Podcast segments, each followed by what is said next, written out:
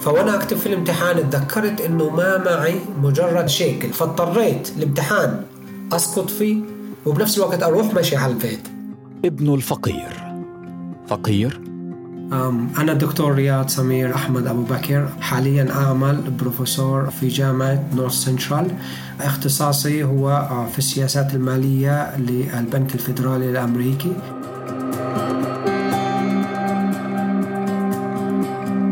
من فلسطين إلى كاليفورنيا. هذه حكاية عن الفقر والطموح. هل يكفي أن تكون عصاميا لتخرج من دائرة الفقر وتحقق ذاتك؟ الحراك الطبقي الخروج من الفقر واجب الدولة أم الفرد؟ وهل هو أصعب في العالم العربي؟ هذا بودكاست فصول. محمود الشعراوي أعد هذه الحلقة وأخرجها أحمد الضامن. وأنا أحمد خير الدين. معا نروي فصول الحكاية.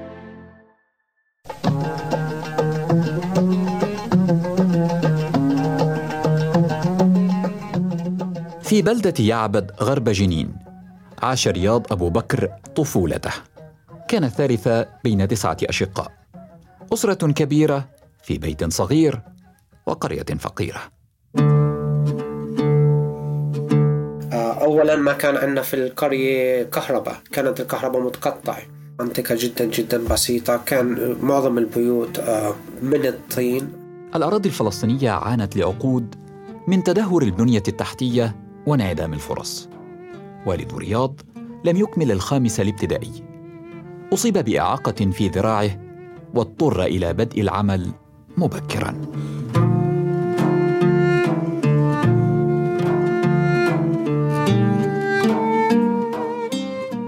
فكان الوالد يعني كإنسان بسيط عتال يخدم كل بيوت البلد عنا يعني يرفع لهم الحصى والرمل والإسمنت وظهره منحني يحمل أثقال يعني جدا جدا مقابل مبلغ بسيط من المال. أراه مرض والده الوجه الأقبح للفقر.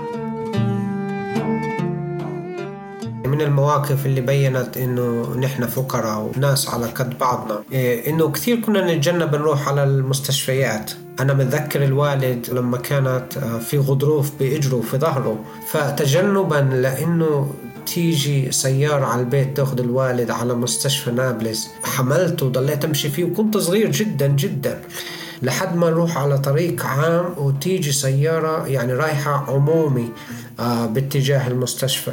في فلسطين ولأجيال عديدة خاصة بعد 1948 لطالما كان التعليم طوق النجاة شبه الوحيد لكن الأمر ليس بهذه السهولة. سنوات رياض الأولى في المدرسة كانت سنوات الانتفاضة الأولى.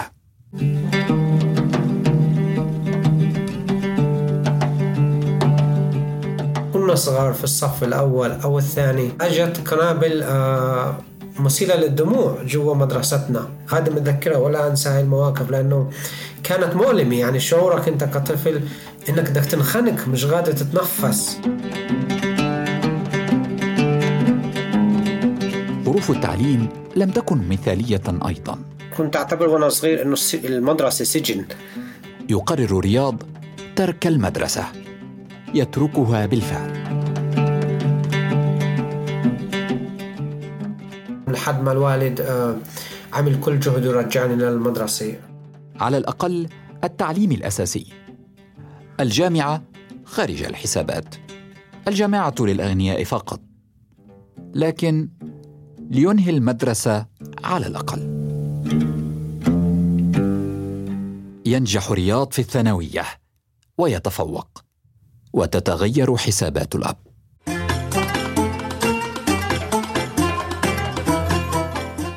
عبطته وبسته وباسني وانبسط كثير. وكان يعني أنا لما طلعت على عينيه ورأيت يعني بعض ذرفات الدموع في عينه أحسست أنه هذا إنجاز. فكان عندي شعور جدا جدا حلو أنه هو من يحمل نتائج هذا النجاح مش أنا. يفوز رياض بمنحة دراسية في جامعة بيرزيت برام الله. في يعبد حال الناس واحد لكن هنا أغنياء وفقراء. هنا تدرك وضعك. وفي جامعة بيرزيت شيكل واحد أقل من ثلث دولار. قد يصنع الفرق بين النجاح والرسوب.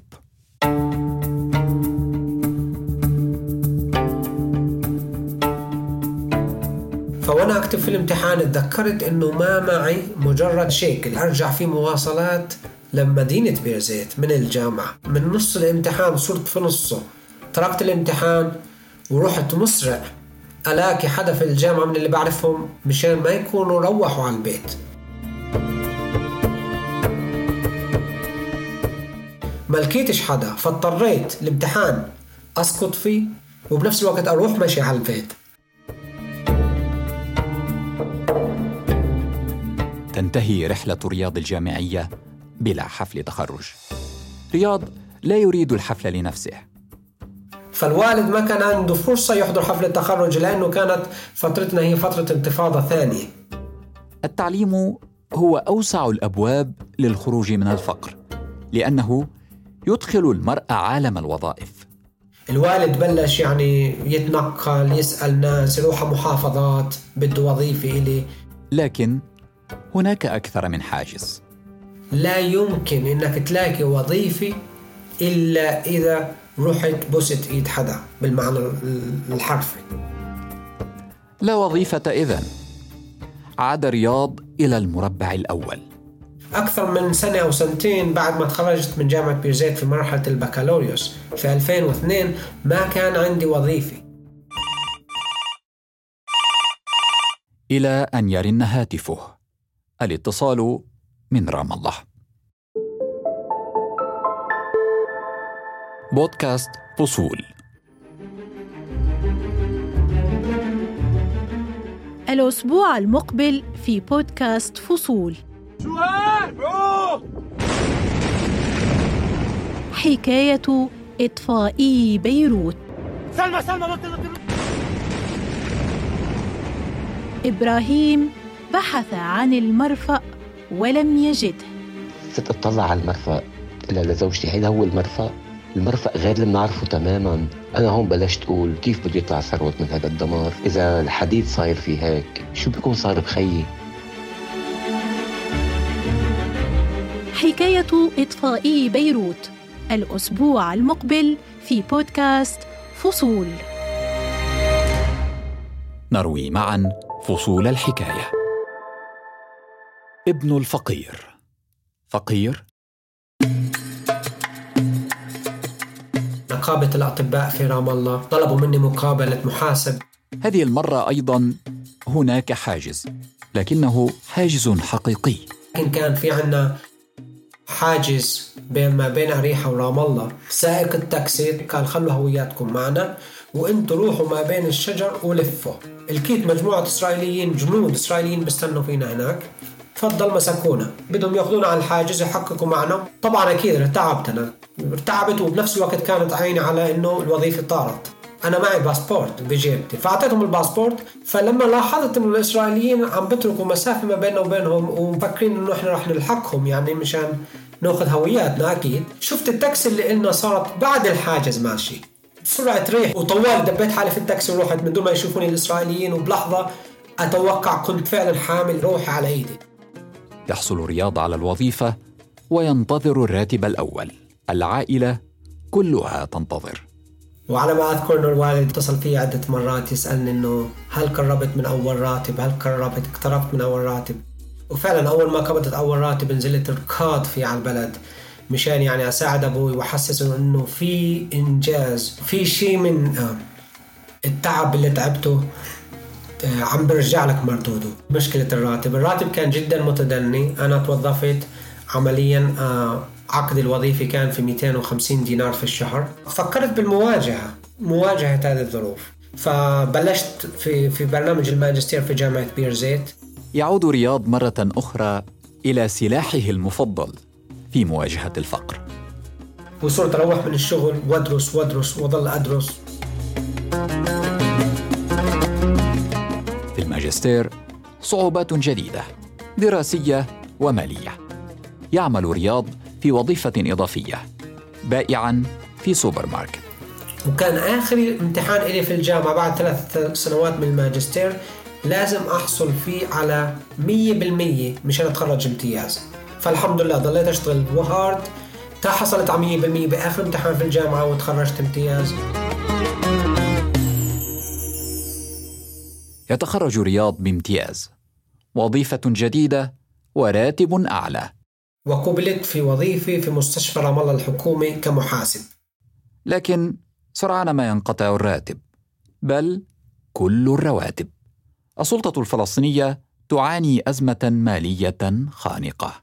آه، جراء الانتخابات اللي صارت بفلسطين أظن واللي فازت فيها حماس اللي هو ما بين 2006 2007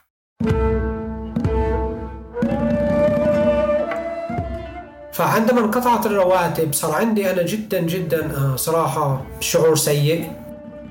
يتخذ رياض قرارا مصيريا يعد والده بأن يغير حياته. قدمت له فيزا لأمريكا ولكن للأسف الشديد كانوا الإسرائيليين مسكرين كل الحواجز.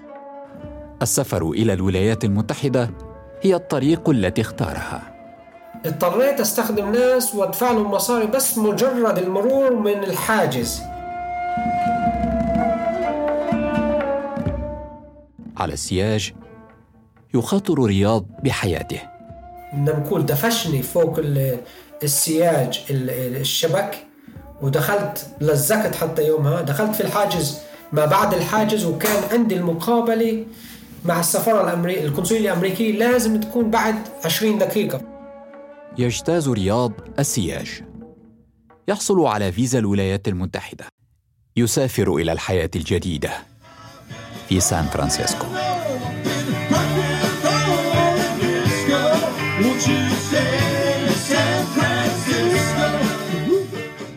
في العالم الجديد كان في استقباله عمل شاق. شطائر البيتزا. وفوهة مسدس.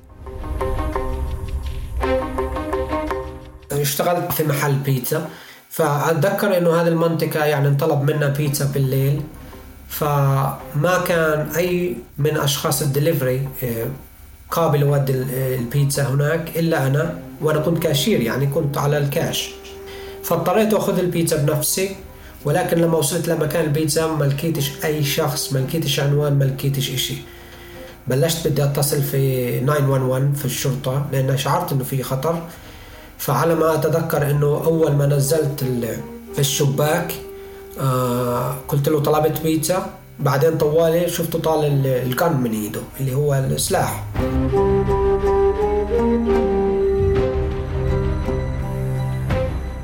فقال لي جيب مي ماني كل شيء.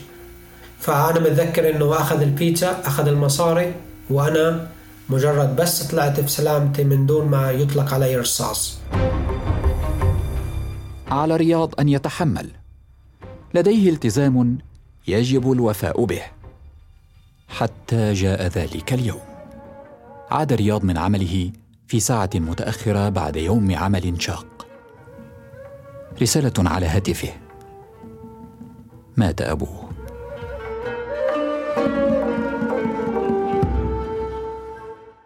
كان والدي يعمل في مزرعة آه، في قرية اسمها برقين. وشرب ماء كان الماء مخلوط في مواد كيماوية أو كبريت ولكن هذه كانت صدمة إنه توفى يعني من دون ما أكون قادر على.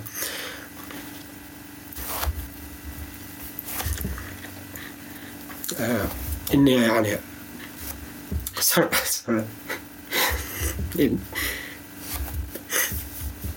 آسف جدا. آه إني أعمل شيء يعني لإله مختلف. لا يستطيع حتى حضور الجنازة.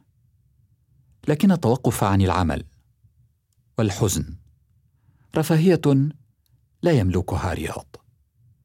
يقرر البحث عن وظيفة جديدة. أنا قوبلت في وظيفة واحدة في أمريكا رسمية اللي هي حارس في جامعة. قبلوني لمقابلة ولكن مباشرة رفضوني. وبفضل الله طبعا الجامعة نفسها قابلتني لوظيفة بروفيسور بعدها. فسبحان الله كيف يعني؟ كيف يغير رياض واقعه التعليم مرة أخرى.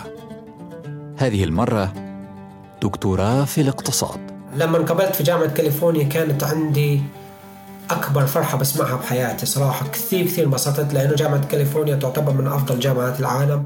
الحياة تبتسم لرياض أخيراً. فيعني كان راتب من جامعة إضافي إلى التأمين الصحي والرسوم وكذا بغطي الراتب لحاله بغطي أكثر من الراتب اللي كنت أتقاضاه في محل البيتزا اللي كنت أشتغل فيه 12 ساعة غير الساعتين السواقة. لكن بلا مقدمات نكسة جديدة في حياة رياض بعد خمسة أشهر صار عندي وجع خفيف في الرأس تراكم بسرعة زاد بشكل هائل.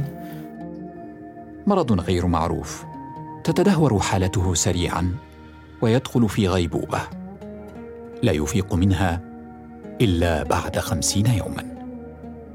يخرج من المستشفى عاجزا عن الوقوف على قدميه. فأتذكر بلشوا يدربوا فيي على المشي وبعدين العكاز ويعني خطوة خطوة الحمد لله. أنا تقريبا شوفيت في شهر سبعة ثمانية من نفس السنة ورجعت بشهر تسعة لمقاعد الدراسة مرة ثانية.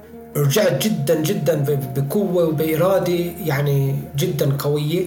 بحيث ما شافوني الطلاب اللي تركوني إلا أنا بالضبط بمستواهم معهم ولا كأني غبت. عند مناقشة آه، أطروحة الدكتوراه لي كانوا ثلاث أبحاث منشورات في مجلات عالمية في علم الاقتصاد معروفة وكانوا مستخدمات كمرجع لعدد من أساتذة الجامعات والباحثين. آه بعد الحمد لله من تخرجي من جامعة كاليفورنيا عملت آه بروفيسور في جامعة Colorado State أعمل بدوام كلي في جامعة اسمها North Central University أو في هذه الجامعة بدرس طلاب آه، دكتوراه. فتحت لرياض أبواب حياة كريمة بعد كل ما قاساه. الآن هو يعمل ويستثمر. لم يعد فقيرا. الوعد الذي قطعه على نفسه تحقق في النهاية.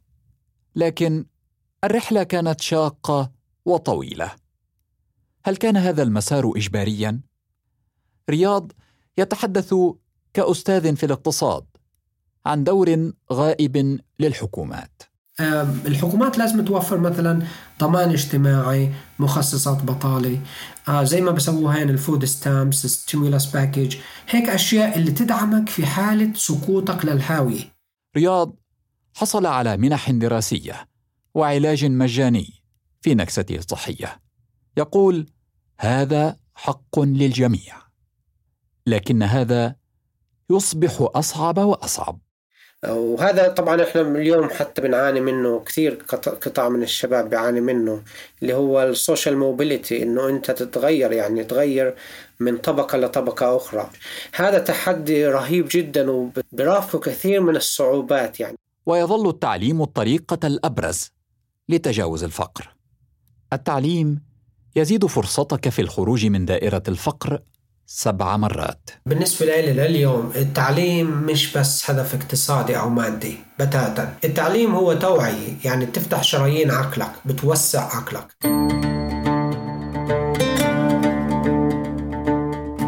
الفقر جدار عازل يهزم كثيرين ويحبسهم خلف أسواره. لكن فرصة اختراقه لا تزال قائمة. واليوم الحمد لله رب العالمين أنا موجود في مكان ممكن الوالد ما توقعه قبل ما يتوفى انه إنه أكون فيه، جيت من أسرة فقيرة جدا ولكن آه، طموحاتي في أمريكا لحد اليوم ما كانت مادية، طموحاتي اني أعيش كإنسان. المال ليس الهدف بل هو وسيلة لحياة كريمة. والحياة الكريمة حق يريده رياض للناس في بلدانهم. الهجرة ليست قدرا. الإرادة الفردية تصنع المعجزات. يقول لكن لا تجعل الطريق تعجز السالكين. هذه تحيات محمود الشعراوي وأحمد الضامن وأنا أحمد خير الدين. دمتم في صحة وعافية.